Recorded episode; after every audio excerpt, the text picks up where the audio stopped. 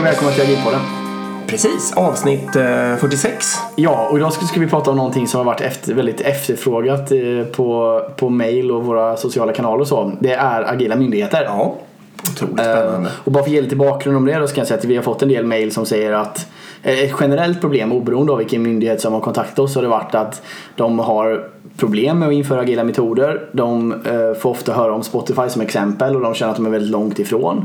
Eh, och något som också oftast relaterar till är mycket att det finns helt andra lagar och regler som styr dem som gör det väldigt svårt att implementera agila metoder. Eh, både skylls det på och en del använder det som argument för att det är svårt att förändra sig. Så det ska vi dyka in i lite. Verkligen. Vi ska säga tack till Informator. Det ska vi göra. Gå in på agilpodden.se, klicka på informatorloggan så kommer ni in i kursutbudet och så väljer ni en kurs. Om Precis. ni anmäler er så slå med agilpodden så de vet att det kommer från oss. Exakt. Eh, ska vi göra utlottningen snedstreck tävlingen också? Vi gör det, vi kör allt på en gång här i introt. Ja, är ni vakna? Eh, Världens längsta intro. Men, eh, exakt, på vår Instagram agilpodden så finns det en bild ungefär någon några veckor tillbaka på value card som Victor Sessan har gjort. Eh, gå in och skriv en kommentar där eh, varför ni skulle vilja vinna dem. För vi lottar ut dem helt gratis nämligen till ett helt utvecklingsteam. Vi tävlar ut dem helt Eh, gratis. Vi tävlar ut dem helt gratis, exakt. Skriv en motivering. Skriv en motivering eh, och eh, så, så kommer vi välja helt enkelt en vinnare som får det här och som kan köra de här value cardsen med sitt utvecklingsteam. Och tanken med de här value cardsen, jag har själv gjort dem med, med, i min ledningsgrupp och eh, det är egentligen att man ska hitta vad är det som driver, vad är ens drivkrafter och att man ska få ökad förståelse för varandra helt enkelt när man jobbar. Så det är egentligen ett sätt att höja psychological safety kan man säga. Precis. Ni som redan har skrivit där när det hamnade där behöver förstås inte göra det igen heller. Nej, ni är redan med. Ni är med. Så, in, så vi, ganska snabbt efter att det här släpps så kommer vi välja en vinnare och så får vi se att ett team blir eh, lite bättre helt enkelt. Och tack Victor till det då. Nu har vi tvingat Ola, dagens gäst, att sitta tyst här i Ja. väldigt, väldigt länge. Vi Hej, har med Ola. oss eh, vår första tillbakakommande gäst tror jag. Ola Berg. Hej hej. Vill du ompresentera dig lite? Ja, jag heter Ola. Jag eh, jobbar med att få till lite större smidighet i organisationer i samspelen. Ja. Så har hållit på med agila metoder de senaste 10-11 åren. Blir det väl nu.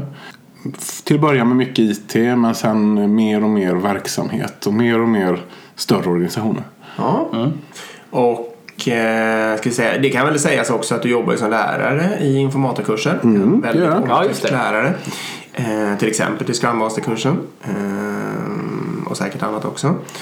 Och du har också jobbat en hel del med eh, myndigheter. Mm, jag har varit eh, på en, eh, ganska många myndigheter och, och eh, försökt hjälpa dem eh, de senaste åren. Inte nu på ett, på ett tag men jag har ju fortfarande många, eh, många vänner och bekanta som, som eh, jobbar kvar där. Precis, och för att uppdatera ännu mer inför den här inspelningen då så har du också gjort en undersökning. Ja, jag gjorde så att jag skickade ut på LinkedIn en länk där för folk som arbetade på myndigheter kunde skriva vad de tyckte var det bästa och sämsta med agila metoder och, och om, de hade, om det hade hjälpt dem och sen framförallt vad de tycker skulle hur de kände att det borde vara. Vad är deras drömmar och, och visioner? Och det, det var intressant. Det var mycket blandat. Eh, man ser ganska tydligt när det funkar som bäst och när det inte gör det och vilka faktorer som, som, som avgör. Aha. Ja. Ja, nu, spännande. Ja, det är så spännande så jag vet inte var jag ska börja. Var ska vi ta fart någonstans? Ska vi ta det bra exemplet? Ja. Ja, det kan vi göra. Eh, Och då kan vi säga vilken myndighet det var. Ja, det kan vi göra. Polisen. Innan vi går in på polis, vi, vi Ja. kan säga det, vi- kommer inte nämna myndigheterna med namn för vi vill inte lämna ut de som har gett in oss uppgifter och vi vill heller inte liksom på de uppdragen du har varit eller så. Men det vi kan säga typiskt så kommer vi prata om allihopa liksom. Vad handlar det om då? Försäkringskassan, Skatteverket, Mm, Arbetsförmedlingen, Jordbruksverket, Konsumentverket, eh, polisen då. polisen. Ja, Ja, Så hör ni något negativt nu och ni jobbar på någon av de här så är det bara att tänka att det är någon av de andra det gäller. ja exakt. Antagligen inte er. Exakt. Men eh, polisen kunde vi säga i alla fall för det här är ett positivt exempel. ja verkligen. Berätta. Jo, eh, för att göra en, en lång historia, fortfarande ganska lång då. Det, den som har läst eh, Henrik Knibergs bok Lean from the Trenches eh, känner ju till eh, kanske berättelsen om eh, den första versionen av polisens utredningsstödsystem då, PUST, som var skrivet i Java där man försökte ta fram, eh, nu ska vi bygga eh, ett system, ett utredningsstödsystem för polisen på gatan för att minska krånglet från det att man tar en skurk till dess att det är hela lagföringsprocessen är. Alltså försöka jobba med ett värdeflödesperspektiv. Och det gick ju ganska bra. Det, det kostade ju en del till att börja med och det var framförallt mycket kulturella grejer. Det kan man läsa om i boken. Men det som hände sen det är ju allmänt känt att eh, någon fick för sig, en säljare på, för ett eh, eh, affärssystem lyckades övertala dem att ett utredningsstödsystem och ett affärssystem är ungefär samma sak. Och att man kan ta fram det väldigt bra. Och det, det, det var det här beryktade Pust-Sibel-projektet som kostade himla mycket pengar och ledde fram till himla dåliga system. Mm. Så, där de kunde prata om att det kunde ta åtta timmar och det kunde ta en kvart att få fånga snattaren åtta timmar och mata in honom i systemet. Så. eh, det här höll ju inte. Så att eh, det var en stor det var en rörelse på polisen för att ta tillbaka de agila metoderna för de kände att det här funkade ja. bättre. Och i, i, samband med det då så var jag inkallad för att utbilda väldigt många uppemot 400 personer på eh, polisens framförallt IT-avdelning men, ja. men även på, på verksamhetssidan då. Och det som kom ut av det där, eh, inte bara min utbildningsinsats förstås utan det var, var ett stort arbete, det var att eh, man ville göra sig av med, sluta jobba med projekt. Man ville jobba med, eh, man ville inte utsätta polisen på gatan för att ha gamla laptops med sig i bilarna utan man ville ge dem eh, mobiltelefoner med appar. Eh, och plötsligt så kunde, de, kunde man skapa utredningsstödsystem av olika slag som appar i telefonerna. Och mm, trycka ut uppdateringar direkt precis när, när det behövdes. Um, och uh, också har jag fått höra då att, uh, att när poliserna på gatan uh, inte förstår något i appen eller tycker illa om det så kan de skriva en kommentar mm. i appen som hamnar direkt hos systemutvecklarna. Ah. Så man har alltså gått ifrån gigantiskt stora projekt som tar väldigt lång tid och levererar väldigt lite nytta till kontinuerlig eh, utveckling. Mm. Så då kan man liksom snegla på de där kommentarerna och så kan man nästan själv bara föreslå till produktägaren. Det verkar vara många som inte gillar det här och det här. Och så. Det går direkt. Det går direkt. Och eh, det som eh, en av de sakerna som vi tryckte på på utbildningen det var ju det här hur viktigt det kunde vara med snabbhet. Vi pratade om det här konceptet fördröjningskostnad eller cost of delay. Eh, är någonting värdefullt att ha så kan man ju säga då är det ju dyrt att inte ha. Mm. Och ju längre tid det går innan du får tillgång till det här bra, ja. viktiga. Och det kan ju då om kommersiell programvara så kan det handla om att jo, men får vi den här mojängen på plats då kan vi ta nya marknadsandelar eller någonting sånt där. Så då, och inte ha den mojängen på plats då, då kostar det oss att inte få de marknadsandelarna. Mm. Och då pratade vi om de där på, på de här kurserna och utbildningarna. Vad är cost of delay i uh, polissammanhang? Mm. Det kan ju vara då minuter, timmar, dagar tills att man får ett utredningsstödsystem som får tag i någon som varit våldsam, någon som har eh, sexualbrottsling eller någonting. Ja. Alltså det, när vi handlar om människoliv eh, så, så, så, så är det, då kan det inte riktigt mätas i pengar. Nej. Just för att driva hem den här insikten om att snabbhet är oerhört viktigt. Mm. Eh, för eh, drygt år sedan så höll jag en agil utbildning förståeligt nog på eh, Drottninggatan på ett kontor. Mm. När det plötsligt brakar till utanför och en Oj. lastbil kör ja. förbi och kör ihjäl folk. Och där sitter vi eh, fast och väntar. Vi kan eh, på att bli utsläppta. Vi ser ju dramat med poliser och allting. Det var väldigt spännande men också en ganska chockerande ja, upplevelse. Ungefär ett år senare så släpper då eh, polisens eh, nationella operativa enhet NOA släpper sin slutrapport över den här händelsen. Och jag läser den då för utav eh, lite så här terapeutiskt syfte för att känna att ja, rekapitulera vad det var som man var med om och sådär. Och då får jag riktiga rysningar. För att bara strax efter Alltså man ser då de har en tidslinje där någonstans i mitten på rapporten. Strax efter dådet så har alltså lokaltrafiken fångat gärningsmannen eh, på kamera. Mm. Och eh, finns på bild eh, i, centralt på polisen. Och de har inget sätt att skicka ut eh, signalementen på. Mm. För ni vet det klassiska sättet är ju eh, ut på radio med alla rop eller faxa bilden så att bilden mm. kommer ut till stationen. Till de nya poliserna som ska ut och så. Eh, och då står det lite lakoniskt där att personal på polisens IT-avdelning eh, sätter genast igång och tillverkar en app Och så står det så läser man bara lite, lite längre ner någon, någon timme eller så, bara strax efter. Då, så här, ja, eh, appen med signalementet är nu ute hos alla poliser. Ja. Och där kan vi då prata cost of delay. Ja. Alltså vad det kostar att, att inte ha möjligheten på plats och kunna snabbt komma ut med, med den. Så det, det, där kände jag hur, hur eh, att det som man jobbar då med just eh, agila metoder. Det är inte Alltså det är viktigt på riktigt. Ja. det räddar liv. Det, Men då sitter de alltså där, det är kontorstid, det sitter lite utvecklingsteam och någon är tillräckligt smart för att... För, någon springer dit och frågar antagligen hur man ska få ut bilden. Och då är de så smarta så de inser att de kan eh, distribuera. en Jajamensan. som en app. Jajamensan. Jag pratat, pratade med Ja, killen för några veckor sedan som sprang med gärningsbilden på USB-stickan från eh, det här centret till, till IT-avdelningen och tryckte ut den. Ja, sjuk. Ja, riktigt spännande. Herregud. Ja. Ja, verkligen. Så det finns ju värde i. Ja, Ja, det är- snabbhet och lättrörlighet. ja. Det kan vi konstatera. Tyvärr så funkar det kanske inte så här bra på alla myndigheter då. Nej. Och kanske inte i alla. Det är ju så. Ja. Ska vi, ska vi dyka in på, ja vilken väg vill ni ta här? Eh, Regler och lagar? Eller undanflykts, liksom, Ja, vilken ingång? det kan man säga att det som händer på myndigheterna nu eh, är ungefär samma sak som händer i samhället i stort. Att eh, det här med agilitet går ju från att vara en, en fråga för IT-avdelningarna till att bli en fråga för verksamheterna. Eh, Så. Och det är ju en stark tendens. Där flera myndigheter säger att vår verksamhetsutveckling ska vara präglad av eh, Agilitet. agilitet. ja. Exakt, och där har jag ju sett eh, officiella dokument då till exempel att Försäkringskassan har gått ut och sagt att de ska implementera eh, en verksamhet som baserar sig på agila värden. Ja. Ehm, Och de är ju inte ensamma om det. nej. nej, Skatteverket har också gått ut. Mm. Och, och, och där eh, ser man ju på något sätt hur eh, det kan skära sig ganska rejält på flera sätt. Me- Mellan vad och vad? Eh, mellan de sätten, de, de ledarskapsbeteenden och de organisationella förutsättningarna som man har byggt upp på myndigheterna. Hur det då omöjliggör smidighet och agilitet. För vad som händer då är att man har en befintlig organisation och myndighet och ledarstil och organisationskultur och sen så kommer det någon eh, och säger att nu har vi beslutat att vi ska införa agila metoder eller agilitet här. Ja, precis. Och det är inte, inte säkert att det finns någon basförutsättning alls förutom beslutet som sådant. Och då är det klassiska att man förlitar sig på någon form av metod. Eller? Ja, ja precis.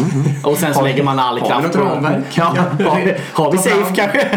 Nej men men det är klassiskt. Det är, det är inte bara myndighet som gör det här. Utan då vill man förlita sig. Jag menar det är den här projektledningskänslan. Men vi måste bara ha en process som vi kan förlita oss på så det är klart. Liksom. Och då, då som jag har förstått det på, på mailen vi har fått in också så är safe vanligt att man implementerar försöker implementera safe fast man inte har alls kulturen på plats och då blir det inte så bra liksom. Nej.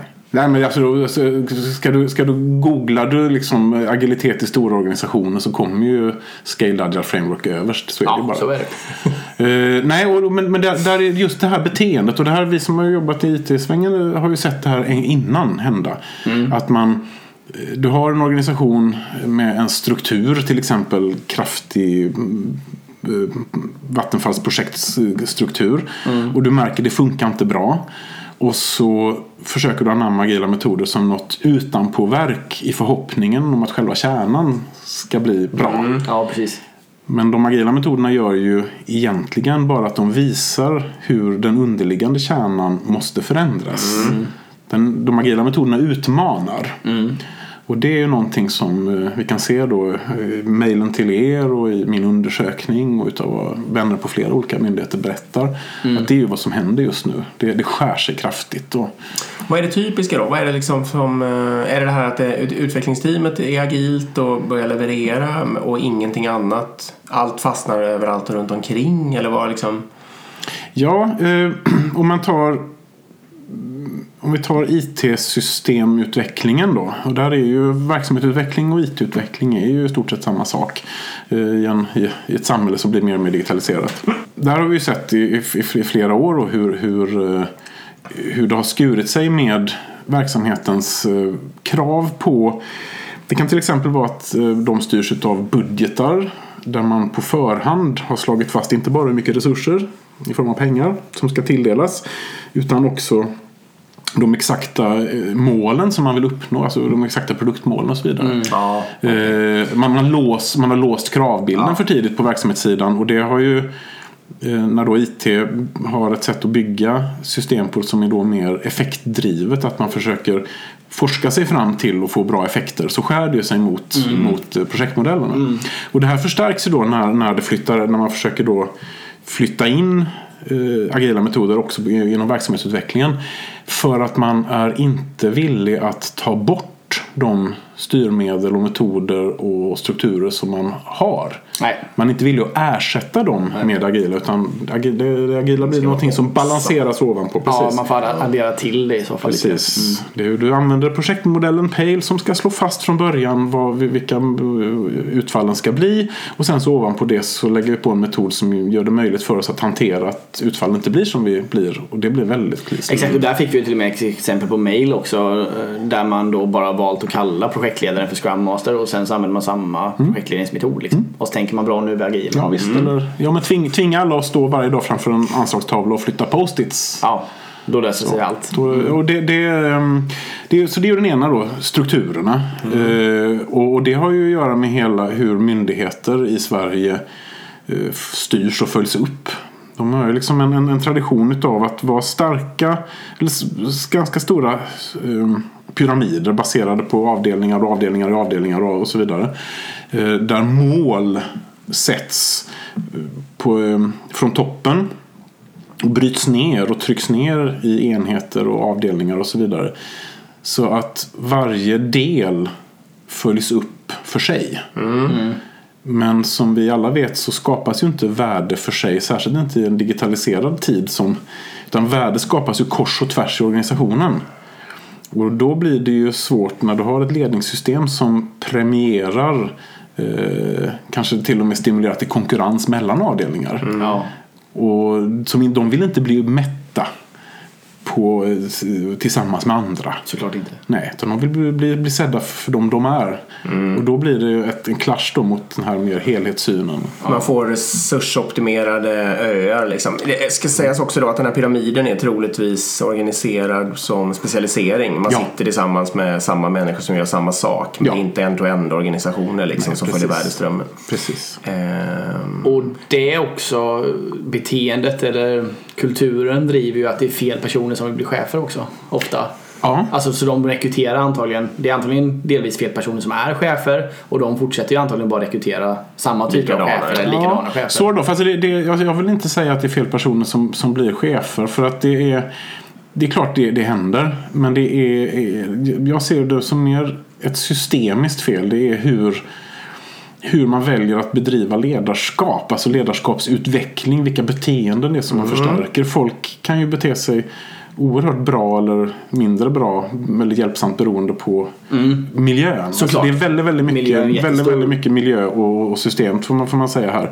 Så är det verkligen. Men jag tänker bara att eh, om vi säger att vi har en person här nu som är servant och liksom förstår agila metoder och principer och så. Antagligen kommer en sån person inte premieras i organisationen att bli chef. Nej. Utan man kommer snarare välja någon som kanske har en projektledningsbakgrund som följer upp och är bra på att skriva rapporter. Ja, och, och, och det finns också så att en, en stark pyramid eh, där är eh, chefen över dig tittar inte så mycket på vad som händer under dig. Och det betyder att eh, även om de inte är i majoritet eh, finns ju alltid rötägg i alla situationer. En, en sån organisation blir väldigt känslig för för eh, eh, personer med sociopatiska tendenser. Narcissister som vill glänsa själva och, och, och själva skapa sina små, små kungariken. Och är duktiga på att, att visa en fasad uppåt. Och har oerhört många metoder för att trycka ner folk. Och det är ju absolut inte så att majoriteten av cheferna är sådana. Men att de finns där. För att en organisation som är styrd på en pyramid saknar möjlighet att upptäcka det här beteendet. Men en, en organisation som är sant agil där, där, där du ser hela tiden vad som pågår på golvet och, och, och det är stor transparens, informationen flödar åt alla håll. Man jobbar med ledarskap för att bygga ett tjänande ledarskap. Man, man, man problematiserar när, när, när eh, chefer inte är, är, är tjänande ledare och så vidare. Där får sådana individer mycket svårare att ta sig fram. Så är det ju. Så. Så är det. Precis, för att man, och man kan ju ha en pyramid. Jag menar, jag jobbar ju, eller vi jobbar ju i pyramider. Ja. Ehm, men det är ju inte så att, alltså vi, alla vet ju vad som händer där. Liksom. Så- Men väldigt ska inte överdriva. ja. Många, i alla fall i våra organisationer så är det många som vet vad som händer i stora delar av organisationen av just de anledningarna. Och det är ju för hur man jobbar med ledarskapet. Och jag råkar ju ha, ha sett eh, det materialet som används för ledarskapsutbildningar på eh, era respektive arbeten. Och eh, jag har sett det material som används på många myndigheter. Och det är ju en ljusårs skillnad Ja, hur man hos er arbetar mycket mer med eh, ett tjänande ledarskap. Okej, ja, vi kan ju ha en massa åsikter om det också. Jo, det är klart. Det är klart. Jämförelse. jämförelse kom en brist, ja. Okej, man eh, premierar fel beteenden i ledarskapet. Eh, så det blir ett, system, ja, ett systemiskt fel eller vad man ska säga. Hela linjeorganisationen är gjord som specialisering och följer inte värdeströmmen och de här olika specialiserade enheterna jobbar då inte tillsammans för att skapa end-to-end-värde. Och på det här då så försöker man implementera metoder. Eller Man försöker istället för att metoderna har verktyg för att utmana de underliggande strukturerna. Men istället för att ta till sig det så använder man metoderna som en sorts fernissa. Och det blir, resultatet blir ju ofta inte bra. Nej. Eh, Då ska jag ändå säga att, att många av mina intervjusvar och också vad jag själv har sett att, att det, det blir bra på många ställen. Alltså det, det, det, många vittnar, även de som var ganska kritiska i min, min undersökning, så på frågan men har det hjälpt då? Så är det många som ändå är positiva. Okej. För att de har ändå fått det har ändå blivit ett bra, bättre än vad det var innan. Så. Ja, okej. Så, mm.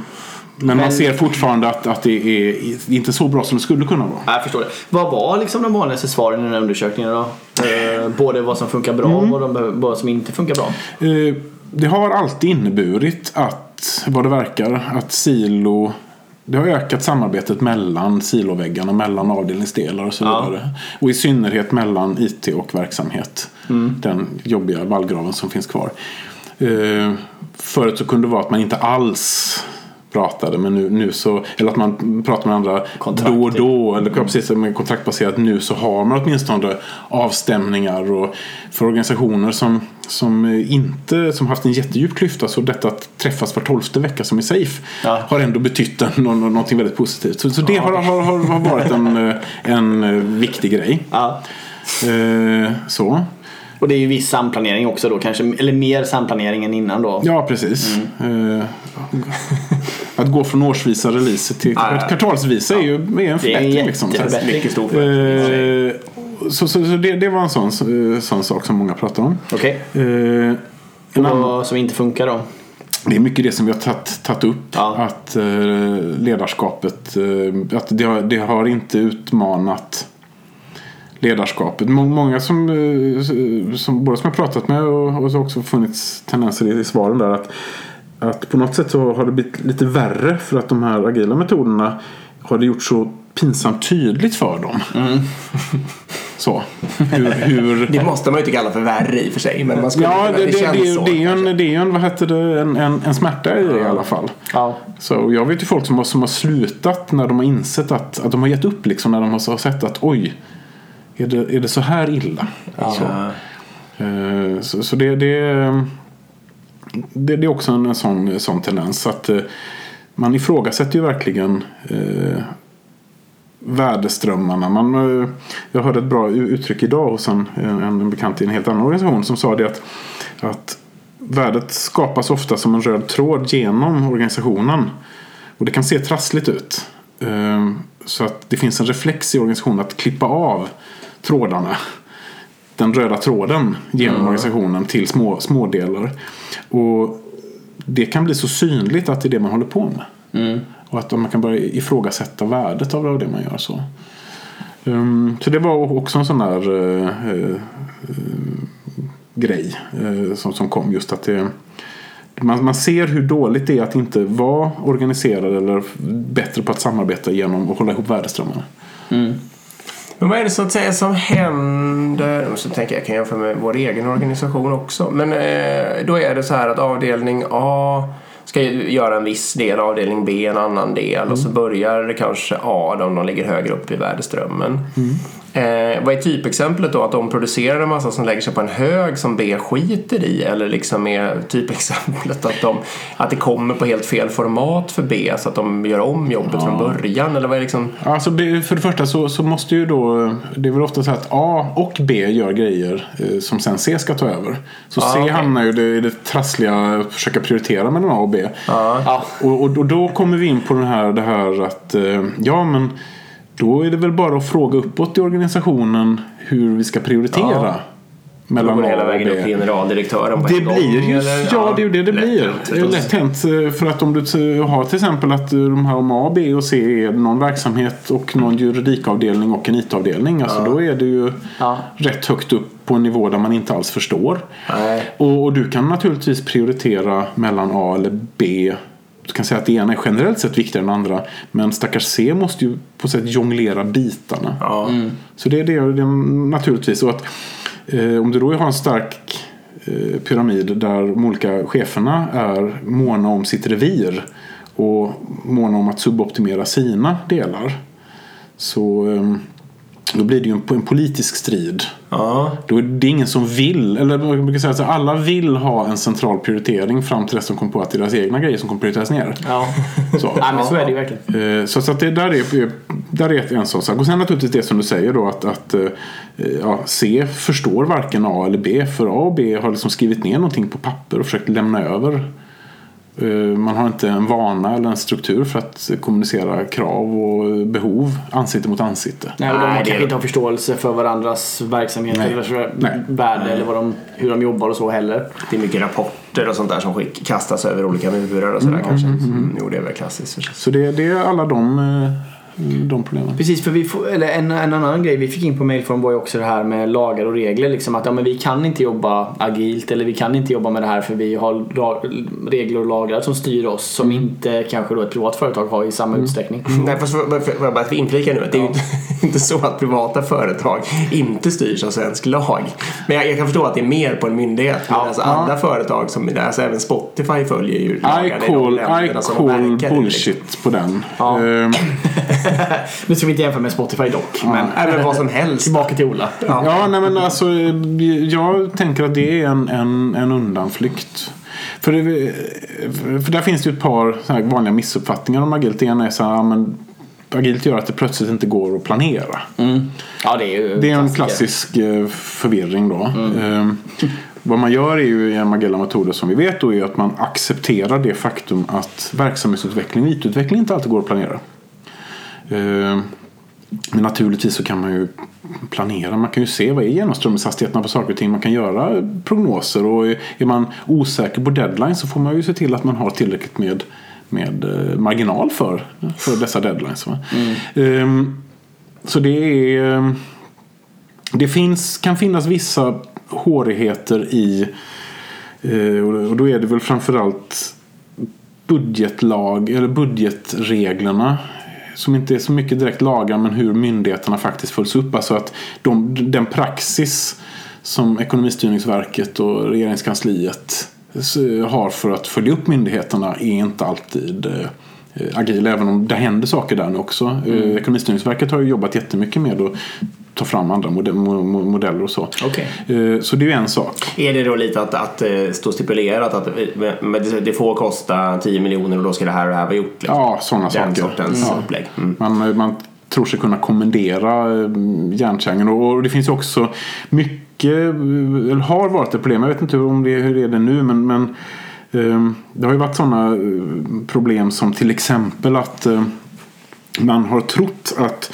eh, du kan bara tillverka anläggningar, det vill säga avskrivningsbara eh, mojenger, IT-system och så vidare eh, om du använder projekt. Eh, Och eh, det, är, det. ser bättre ut i ekonomiböckerna om saker och ting är avskrivningsbara eller om de är eh, så, så att eh, det är också sådana här missuppfattningar för det handlar om hur man, alltså det går alldeles utmärkt att, att klassificera eh, saker som man bygger inom, eh, som, en, som en del av en löpande vidareutveckling som, som att man bygger på en anläggningstillgång. Det handlar ju bara om, om hur man hur man styr. Så det, det är regler och, och traditioner, inte så mycket lagar då. Men sen har vi då eh, den riktigt jobbiga lagen. Det är ju lagen om offentlig upphandling. Ja. Den har vi ju den har vi berört lite innan med, när vi pratade med Mattias Garin om uh, agila kontrakt och code camps och de här bitarna. Mm. Just det. Då var det ju faktiskt med- uh, Svenska kraftnät hade gjort det. Uh, Just det. och även liksom fått de leverantörerna som man ville med rätt Ja. process. Mm. Och det, de har du faktiskt fått att funka. Och Svenska Ja. kraftnät är en myndighet. Ja, det är mycket. Jo, det, här- alltså det som Mattias Garin och Mia Kolmodin har gjort med eh, agilakontrakt.se det tycker jag verkligen man ska titta på. Det, det är ju, det är ju en, en internationell grej. Alltså, man kan googla agile procurement och se vad, vad, eh, att många inte bara brottas i den här frågan, de faktiskt lyckas brotta ner den också. Liksom, eh, kommit, kommit någonstans. Men det där handlar det ju om, om hur man Eh, Där är ju också problemet kanske inte så värst, värst mycket då lagen. Som att myndigheterna följer inte lagen när de agerar utan de följer processer. Det heter ju upphandlingsstöd. De har ju haft jurister och upphandlingsexperter som har skapat processer som är i överensstämmelse med lagarna. Och även om lagen tillåter mer agil upphandling så måste det till att lagen omformuleras i en ett upphandlingsstöd och att det finns en ledningsgrupps godkännande. Och då måste ju inte, det är inte bara generaldirektören som hipp som happ kan säga det utan också generaldirektören måste vara trygg med att revisorerna som ska revidera verksamheten är trygga med att man använder det och så vidare. Och ris- ja, risken är att man vet ju vad man inte fick skäll för igår och vad som, liksom, vad som passerade revisorerna i fjol och då är det självklart frestande att bara köra på Samma med det sätt för att och så slippa vidare. ta någon Och det risk. måste vara något otroligt utmanande och, och att utmana det och be om förändring där också antar jag. Ja, eh, ett, eh, det här ser vi också hur, hur just silo tänker på samma sätt som vi har sett eh, mellan, när man uppdelar verksamhet och IT hur det blir svårt att få samarbeta mellan verksamhet och IT. Om man då har en, en juridikfunktion, kanske en, en upphandlingsjuridikfunktion som är separerad från resten av verksamheten. Då försöker ju den minska en sorts risk. Till exempel minska risken att en upphandling överklagas. Och, och, men de avtal som kommer ur en sån process kanske har en massa andra risker med sig. Risken att eh, vi inte levererar det som behövs. Och inte få största möjliga värde. Att vi bränner pengarna. skattepengar. Exakt. Och det är ju inte bara en risk utan det är ju någonting som vi har sett Faktum, gång på gång ja. på gång. Det är ett faktum. Ja. Eh, Så, att, så att där är ju då att om de kunde samarbeta mer då, IT, juridik, verksamhet ihop Ja. och, och, och göra avvägda risker och titta på också verksamhetsriskerna. ja. Så. Då, då hade vi kunnat eh, komma ännu längre. Och eh, bara nu säga till myndigheternas eh, försvar här att i, inom det privata näringslivet så är det inte så att vi lite tjopp tjopp upphandlar saker eller köper in saker superagilt utan det är ju precis samma sak. Att Ja. Dels finns det lite grejer, det finns revision och det finns ju definitivt processer. Och de är, åtminstone i ett sånt storföretag som vi arbetar i så är de väldigt, väldigt eh, t- trögrörliga. Och just inköpsprocessen är kanske en av de som jag skulle kalla minst agila eh, grejerna vi gör. Liksom. Så det skiljer, i- det är lite andra regler och lagar men det får ungefär samma resultat ska bara Ja. sägas. Alltså stor, stor, storbolagen och myndigheterna har mycket gemensamt. Fast jag, jag med lite insyn i bägge skulle ändå säga att, att myndigheterna har det lite svårare. Ja, det, det det, förstår jag. det Det, det förstår jag. Det är klart. Eh, hur ska man göra mot den här då med att inte jämföras mot Spotify? För Ja, du, du, får berätta om det där. är Du, du får berätta, berätta om det där. Var, var kommer det där ifrån? Inte Spotify. Ja, nej men det var från också ly- lyssnarmail eh, just att eh, eh, de jämförs ofta mot Spotify och då blir det nästan som ett, som en beskrev att det blev som ett skällsord liksom. Att, Men vi kan inte ens nämna det nu liksom. Agilitet, Nej, det. för det passar bara Spotify och så vidare. Och de tycker då att vad fan har vi med, med, med, med Spotify att göra? Det är, vi har helt annan verksamhet och helt annan struktur och helt andra lagar och regler och allt. Och, Ja, nej, men det, den är ju den är ju också lite grann i undanflykt. För som sagt, som du sa innan Dick, Spotify följer lagen. De, Ja, de jobbar, och de jobbar ju med vad heter det, gentemot investerare som vill ha en ekonomisk uppföljning och utifrån det var mycket amerikanska investerare. Och, Låt oss komma ihåg att de jobbar ju med alltså, eh, vad heter det, intellektuella rättigheter Yes, och hela den där. IP-byråkrater. IP, exakt, Ja, ja, ja. och det är ju frukt, det är en stor del av deras utmaning förstås. Liksom. alltså- Men de lyckas ju med det på något sätt. eh, Förstås med en del agila. ja, vad jag vet så, så, precis, vad jag vet så är det ju inte utan kamp. Nej. Och, Nej. det, och det, det är väl det som är grejen att det här eh, agila metoder som ju vi då, vi har dem ju inte för att vi ska vara agila eller balla eller leka Spotify. Vi har dem ju faktiskt för att det är lättare att eh, skapa värde om vi får pröva oss fram. Alltså man, man, man ökar chansen att få mer, mer bättre myndighet per skattekrona om man eh, använder det här. Vi, det kräver ju att vi utmanar det befintliga. Eh, Så, och det har ju Spotify gjort. De har ju utmanat många av de befintliga strukturerna. Det vi ser är ju, är ju resultatet utav, alltså där det funkar bra är ju resultatet av, av mycket kamp. Och det är väl det som man också måste förstå då att, att okej ska vi göra, ska vi få vår myndighetsverksamhet här nu att bli lite smidigare så eh, kan det bli jättebra. Vi kan titta på, på, liksom på många som har lyckats bra men det kommer ju inte komma gratis. Nej. Och den är, är, är nog viktig. Men sen tror jag också att, jag menar, om man nu sitter på någon av de här myndigheterna och på riktigt liksom vill ha några goda exempel och sånt. Så precis som du sa, titta på stora företag som har, har, kom, har jobbat med agil transformation ett tag. För jag menar, det är kanske är lättare att relatera till ett Ja. storföretag Jämfört som, ja men kolla de har implementerat servant leadership eller de har gjort någonting här, de har organiserat sig så här och så här. För jag förstår att Spotify blir lite också som att man hela tiden ska jämföra sin personbil med en Ferrari i någon mån och då blir liksom, det blir inte relevant. Så Det är Nej. ju en startup också sen inte så himla länge tillbaka. Det är en Nej. ganska ny organisation. Ja precis, de har inte, de har inte det arvet. man har inte lägga sig system och så vidare. Eh, nej, och det, Sen är det en undanflykt också, men jag förstår poängen. det, så är det. Eh, tänker där med, med, med eh, ja, Nej, jag skulle bara säga, du touchade på det här, men bara för att vara tydlig på det. Och det är viktigt i all sån här dialog att agilt är ju inte målet. Så att säga. Det är inget egenvärde och så vidare. Det här har jag ju råkat ut för själv. Jag har blivit anklagad för att bara vara metodfokuserad. Eh, och jag, därmed vill jag säga att ju, att skapa värde för, eh, i det här fallet för medborgarna, det är ju målet. Eh, och inget annat. Och agilt är en jättebra möjlighet att göra det. Liksom ett medel att göra det. ja precis. Det, Kom, men om man får något bättre så ska man självklart gå på det. Liksom. ja, precis. Ja, nej, det, alltså, jag brukar säga att agilitet är en egenskap. Det är en egenskap i en organisation eller ett samspel. Alltså egenskapen att vara lättrörlig. Att kunna eh, hitta på nya idéer när de gamla inte riktigt håller. Av olika skäl. Det, är det är för att då optimera värdeflödet, värdeskapandet. Ja. Ja, precis. Att om man, alltså, är det er er regler och lagar, är det stoppande för att eh, eh, att man skulle kunna införa ett agilt arbetssätt? Nej, ja, men det skulle ju också kunna vara så att man kan införa ett agilt arbetssätt för att göra det troligt att man kan klara av lagkrav. Ja, men precis. Det går ju vända det så. Ja. Det är inte bara, jag skulle hävda att man måste vända Ja. det så. Ja. Eh, Det är lag, lagkrav kommer ju Alltså de kommer ju ganska snabbt. Så man behöver ju ha en organisation som kan snabbt göra det. Jag menar nu, vi- såg ju, det var lite stresstestning här nu med GDPR. Ja. För något år sedan. Nu har vi ju alla myndigheter som har någon form av app eller webb måste ju göra den appen och webben tillgänglig för folk som eh, har olika typer av eh, funktionshinder eller funktionsvariationer. Just det. Enligt, eh, enligt alla konstens regler, noga räknat regelsamlingen VCAG eller standarden VCAG. Så, att, ja, så att eh, det finns ju en och det kan komma fort.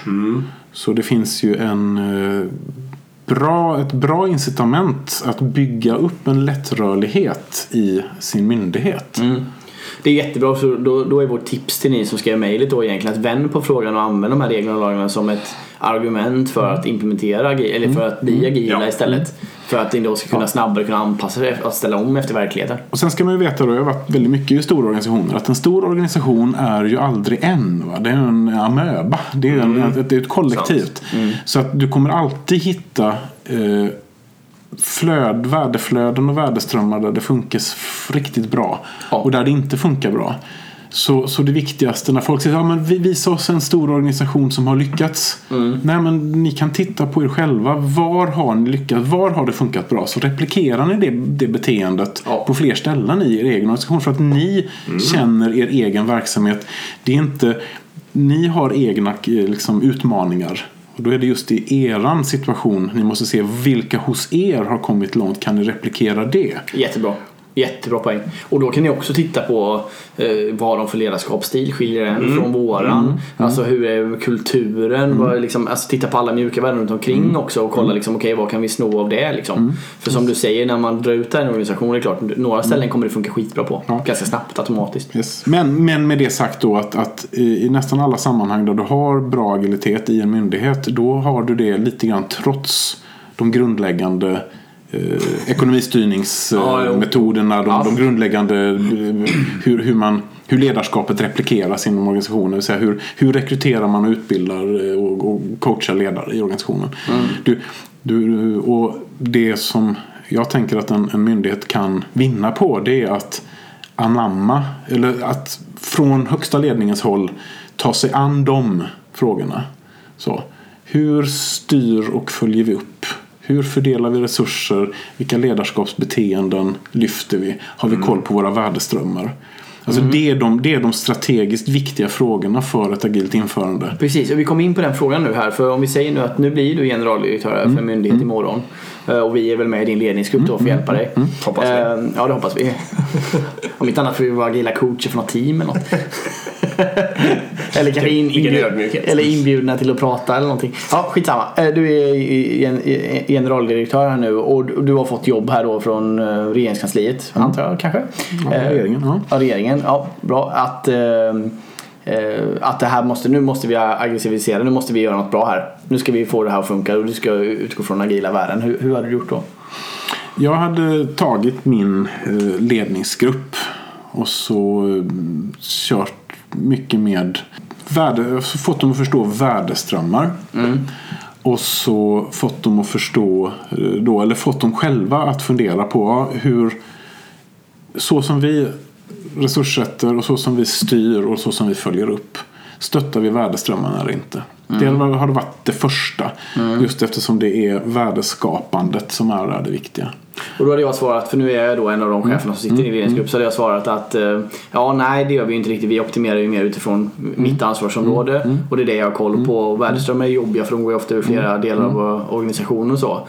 Så borde vi inte organisera oss efter värdeströmmarna då? Mm, det kan man ju tycka. Eh, Jag säger så här att jag tycker det är bra om man kan det. Om man kan hitta värdeströmmar som eh, är eh, så pass isolerade från varandra. Så att man kan, eh, så, så man kan göra dem mer autonoma. Och om man i de värdeströmmarna kan hitta tjänster som möter folks behov på olika sätt. Som också kan vidareutveckla sig autonomt. Jättebra. För att största agiliteten får vi ju när vi inte behöver skala. Alltså när vi kan skapa i så små organisationer som möjligt som kan skapa värde så oberoende av varandra som möjligt. Så. Självorganiserat är jättebra. Problemet uppstår ju när vi inte är där. När vi har det här trasslet, alltså när värde skapas kors och tvärs, liksom som i ett nätverk eller en väv. Och det är så jag upplever då att så är det kanske. Ja. Ja, och, då, och då tänker jag att då, då är det att bygga förmågan att samarbeta på ett smidigt sätt mellan olika funktionella enheter som är det första. Sen i takt med att man kan hitta och isolera så kan, man liksom göra det. Men, men, men grunden, i, alltså skälet till att man är en stor organisation är att man har tagit sig an en ganska hårig uppgift. Så. Och då, ehm, och vi kan ju jämföra med Spotify. De har ju också en ganska hårig uppgift ändå. Eh, Men de har ju lyckats det genom att, att fundera. Eh, Det var väl Viktor som sa det när han var här. Eh, De har jobbat så mycket med arkitekturen och separera. Ja, absolut. Och det är ju det vi måste göra. Har vi en verksamhet som är stor och snårig så måste vi jobba med enterprise-arkitektur, verksamhetsarkitektur för att hitta och isolera. Då kan vi börja. Men vi, vi, vi kan nog inte sätta oss och ah, men nu så ska vi organisera oss på ett annat sätt. Nej. För då kommer det bli en likadan oh, Big Bang implementation av en organisationsförändring som förmodligen Ja, kommer skiter sig på massa andra fel. ingen kommer känna sin kollega och ingen kommer gilla sin chef Nej. och alla kommer vara missnöjda och Ja, så vidare. Det precis. kommer bara skapa massa... Så. Nej, jag förstår vad du menar. Ja, det, det är då att bygga transparens, samverkansförmåga och så eh, ta det pö, mer som pö om pö. tror jag hade varit det viktiga. Det har ju vi pratat om i agil omorganisation. Jag tror vi har pratat, inte vi pratat om det själva någon gång? Och vi just kom fram till det att man ska inte, man kan försöka ta de stora lätta vinsterna men man ska inte försöka få det perfekta och hålla på för då kommer man bara liksom skapa totalt kaos istället. Ja, det blir bara en massa omorganisation Ja. efter omorganisation efter omorganisation efter omorganisation. Ja. Det finns ju två saker jag aldrig hade gjort. Ja. Jag hade inte gjort det till en strategisk fråga. Vilket eh, ramverk på marknaden ska vi använda? Jaså? Nej, det hade jag inte gjort. Jag hade förbjudit den frågan. För jag lovar att hade jag varit generaldirektör så hade någon tjomme i, i, ledningsgruppen frågat den. Ja, det hade du gjort. Ja, säkert. Eh, och sen så hade jag aldrig sagt så här. Oj, tänkt att oj vad jobbigt det blir att eh, börja liksom driva tvärfunktionellt. Hmm. När vi gör så här. Vi, vi, vi ger varje avdelning får i uppgift att göra sig så agilt som möjligt. det hade jag heller aldrig gjort. Nej. Förstås. Nej, för då bygger man ju på samma kultur som man alltid har haft. Eh, Man, sm- man sminkar sin lilla gris istället Ja, för att stycka den. Ja, så är det. Eh, och sen le- ledarskapsfrågan, hur har du ändrat den då? För vi har ju fortfarande kvar problemet med, fast nu att folk börjar titta på värdeströmmar och vi börjar kanske visualisera vilka värdeströmmar som finns och vi försöker, du och jag försöker samarbeta lite här nu då, kanske då att ja, ja, men vi har visst lite värdeströmmar som går kors och tvärs och vi borde kanske prata lite mer och sådär. Hur, hur gör vi, vad gör vi åt ledarskapet? Det är ju, där är ju, alltså en kultur ändrar man ju genom att ändra beteenden, ändra incitamentstrukturer, ändra en väldig massa olika saker som man först inte förstår är kulturbärande. Det är alltid så att det är liksom vissa individer, vissa beteenden, vissa regler, vissa konventioner som är de riktigt kulturbärande. Man kan ändra väldigt mycket och så ändrar man ändå inte kulturen men ibland då man har jobbat ihärdigt så hittar man det som faktiskt ändrar kulturen. Och det, det är, skulle jag säga, min erfarenhet så är det en uthållighetssport. Ja, Att, eh, att den svåra delen i agila transformationer att ändra själva grund eh, grundantagandet för hur folk ska bete sig. För, att ändra folks spontana reaktioner i olika... eh, Så här, till exempel att eh, vid ett pulsmöte så eh, är det normala eh, att säga att vår del funkar bra men så eh, vet man på insidan att det inte är. Eller är det normala att älska färgen rött att säga nej men det, vi har problem. För vi älskar att lyfta våra problem för vi vet att det här är en trygg miljö. Alltså att ändra det, det kräver målmedvetet långsiktigt arbete. Eh, och där man måste se över incitamentstrukturer, måste se över hur, eh, Bra. hur man arbetar, hur man utbildar, hur man rekryterar. Det, det, det är ett lång, långsiktigt projekt. Jag skulle säga, precis, men jag tycker absolut awareness är en av dem. Eh, och Det är någonting vi har testat mycket att utbilda. Alltså till exempel att när vi ska göra någonting så skickar vi alla på en Scrum Master-kurs. Eller vi skickar alla på liksom, det, fast jag har fått frågan så många gånger att ja, men jag ska inte bli Scrum Master. Men liksom, det är inte det som är syftet med att gå en Scrum Master-kurs utan det är ju att få en ökad förståelse för vad agilt är. Liksom. Eh, och det är sjukt bra att, för chefer att gå det för att få mer awareness om agilt. Eh, och eller andra roller som inte nödvändigtvis jobbar som Scrum Master. Verkligen. Jag satt och funderade, jag vet inte, du kanske nästan sa det, men jag hade ju, om jag hade varit den där generaldirektören hade jag ju gett mig på mätsystemen nästan det första jag gjorde också. Alltså, jag hade börjat förklara vilka effekter vi vill uppnå och försökt mäta på dem och så kanske eh, stimulera något OKR Ja. upplägg liksom för hela Ja. myndigheten. Tagit bort alla andra personliga mål och uppföljningar och sådana där grejer. Ja. Apropå driva rätt beteende. Ja, det var väl när jag var här sist så pratade vi väl om mätetal. Ja, vi pratade om agil estimat. Ja, estimat var det, just Ja. det. Och vi, vi, näm- vi touchade väl eh, mätetal där också va? Ja, nu är det 40 avsnitt sen så minnet börjar bli ja, lite. precis. Nej, men just, just att, att, eh, att um, titta på hälsoindikatorer som är släpande och stora och mäter hela värdeflöden. Eh, och sen så förstå att ha ödmjukhet för det att nej, man kan inte bara bryta ner den i smådelar för att optimera smådelarna och kommer inte att optimera helheten. precis. Nej. Utan istället då lära, utbilda i förbättringskultur, Kaizen. Att eh, varje del i organisationen jobbar med ständig förbättring och eh, på ett, på, ett, på ett målmedvetet sätt och därmed också då äger en del av sina egna mä- mätvärden. Och, eh, det, det är mer det som vi behöver, behöver jobba med då. Och förstås då psykologisk trygghet i att, så att man skapar liksom en, en kultur där man älskar att eh, eh, visa hur saker och ting inte funkar för att man älskar att förbättra. Liksom. Jag kanske tolkat det helt fel men du håller också på något initiativ som heter typ One Team Gov? One Team Gov, ja. Det är intressant för det är ju en, eh, en folkrörelse kan man säga. Eh, Förnyelsebyråkrater var det, eh, är ett, ett begrepp som har dykt upp. Okej. Och det är alltså det är en, en kvinna som heter Kit Collingwood i England som började helt enkelt söka andra så, i brittiska myndigheter som kände att det här kan vi göra på ett annat sätt. Eh, och, och startat då en, en rörelse runt det. Med eh, ungefär lite grann som den agila rörelsen inom IT drivs med meetups på kvällarna. eh, Ja. frivilligarbete, folk från olika Folk från olika myndigheter identifierar vi har ju samma behov.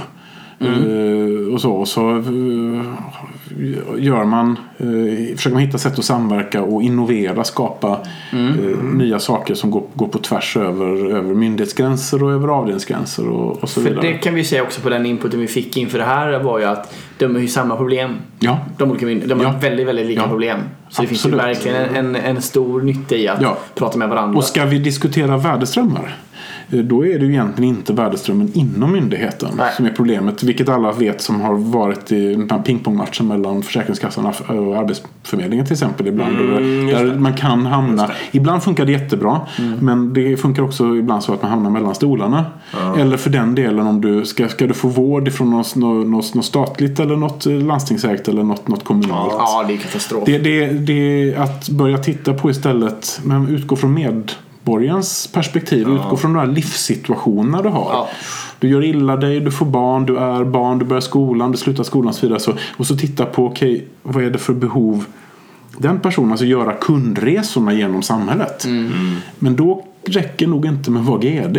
Utan då, då måste Nej. man nog vara liksom eh, samordnare på regeringsnivå. Mm. För där handlar det ju om att lite grann bryta eller eh, luckra upp myndigheternas eh, självstyre. Men det. Ja, men jag tänker ändå du får börja som GD först. Och sen Ja, ja, det är klart, det är. Statsminister blir nästa. Ja, Så det finns ju så här, Open uh, One Team Gov och vi lägger väl ut Ja. länken till, till där. Det är Ja, gärna. Jätteintressant. Uh, är ju så att säga ett sätt att försöka eh, skapa eh, ett agilt synsätt eh, i eh, offentlig sektor. Och nu finns det i Sverige också. Det finns i Sverige, Exakt. precis. Och eh, vi höll en, en, eh, en meetup, eh, eller en, en knytkonferens Ja. eh, här för några månader sedan. Och där vi skapade små mikroaktionsgrupper för att hitta på eh, och titta på olika saker. Till exempel det här med livssituationer eller eh, göra en hotline för systemiska fel inom myndigheterna. Så Alltså,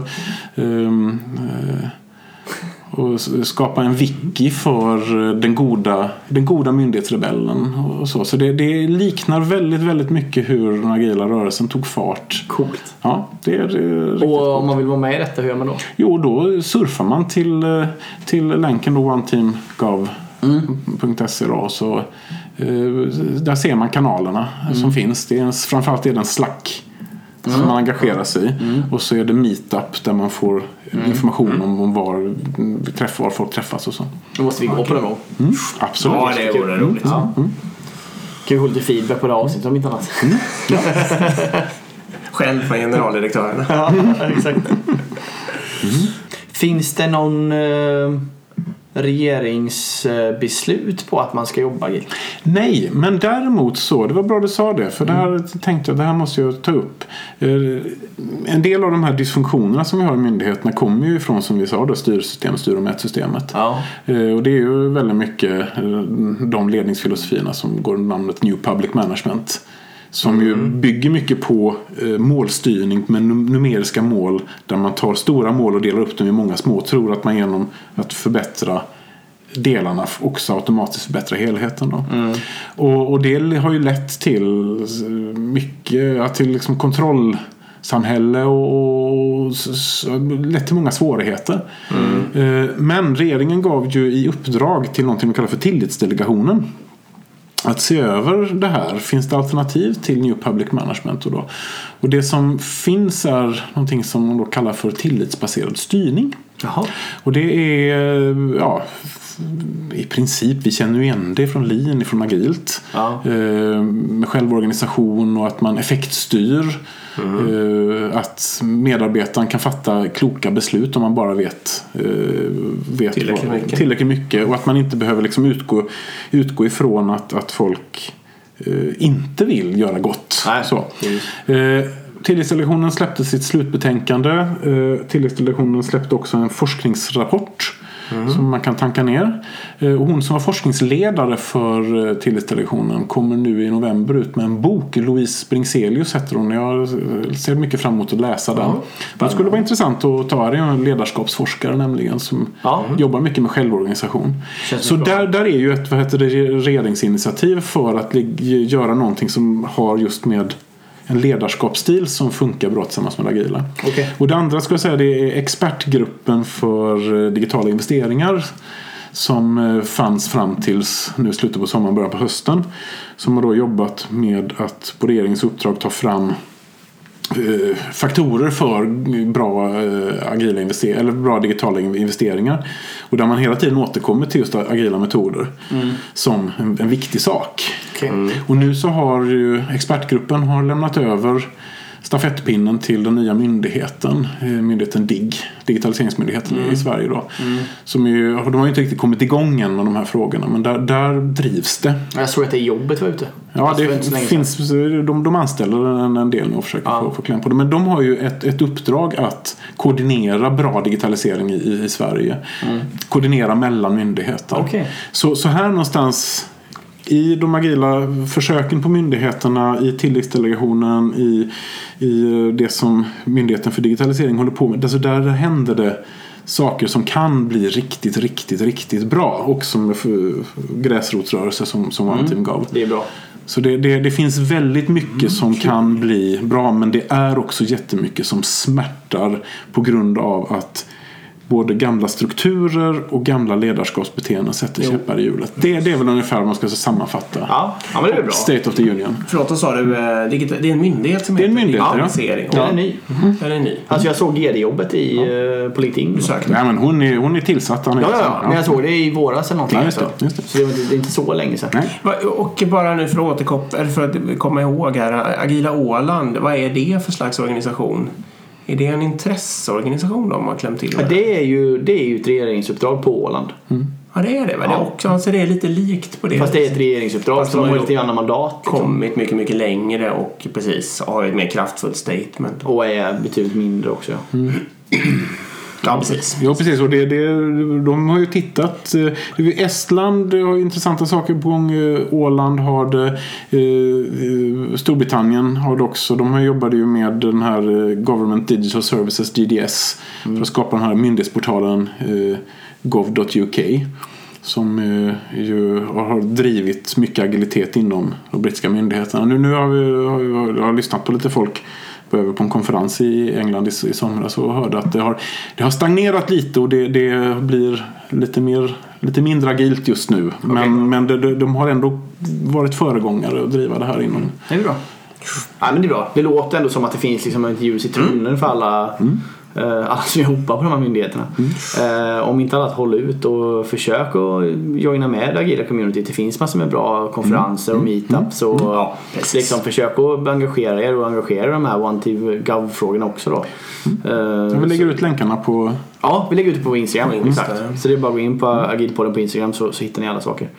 Ehm, då så. Ja, Vi ses om 40 avsnitt igen då.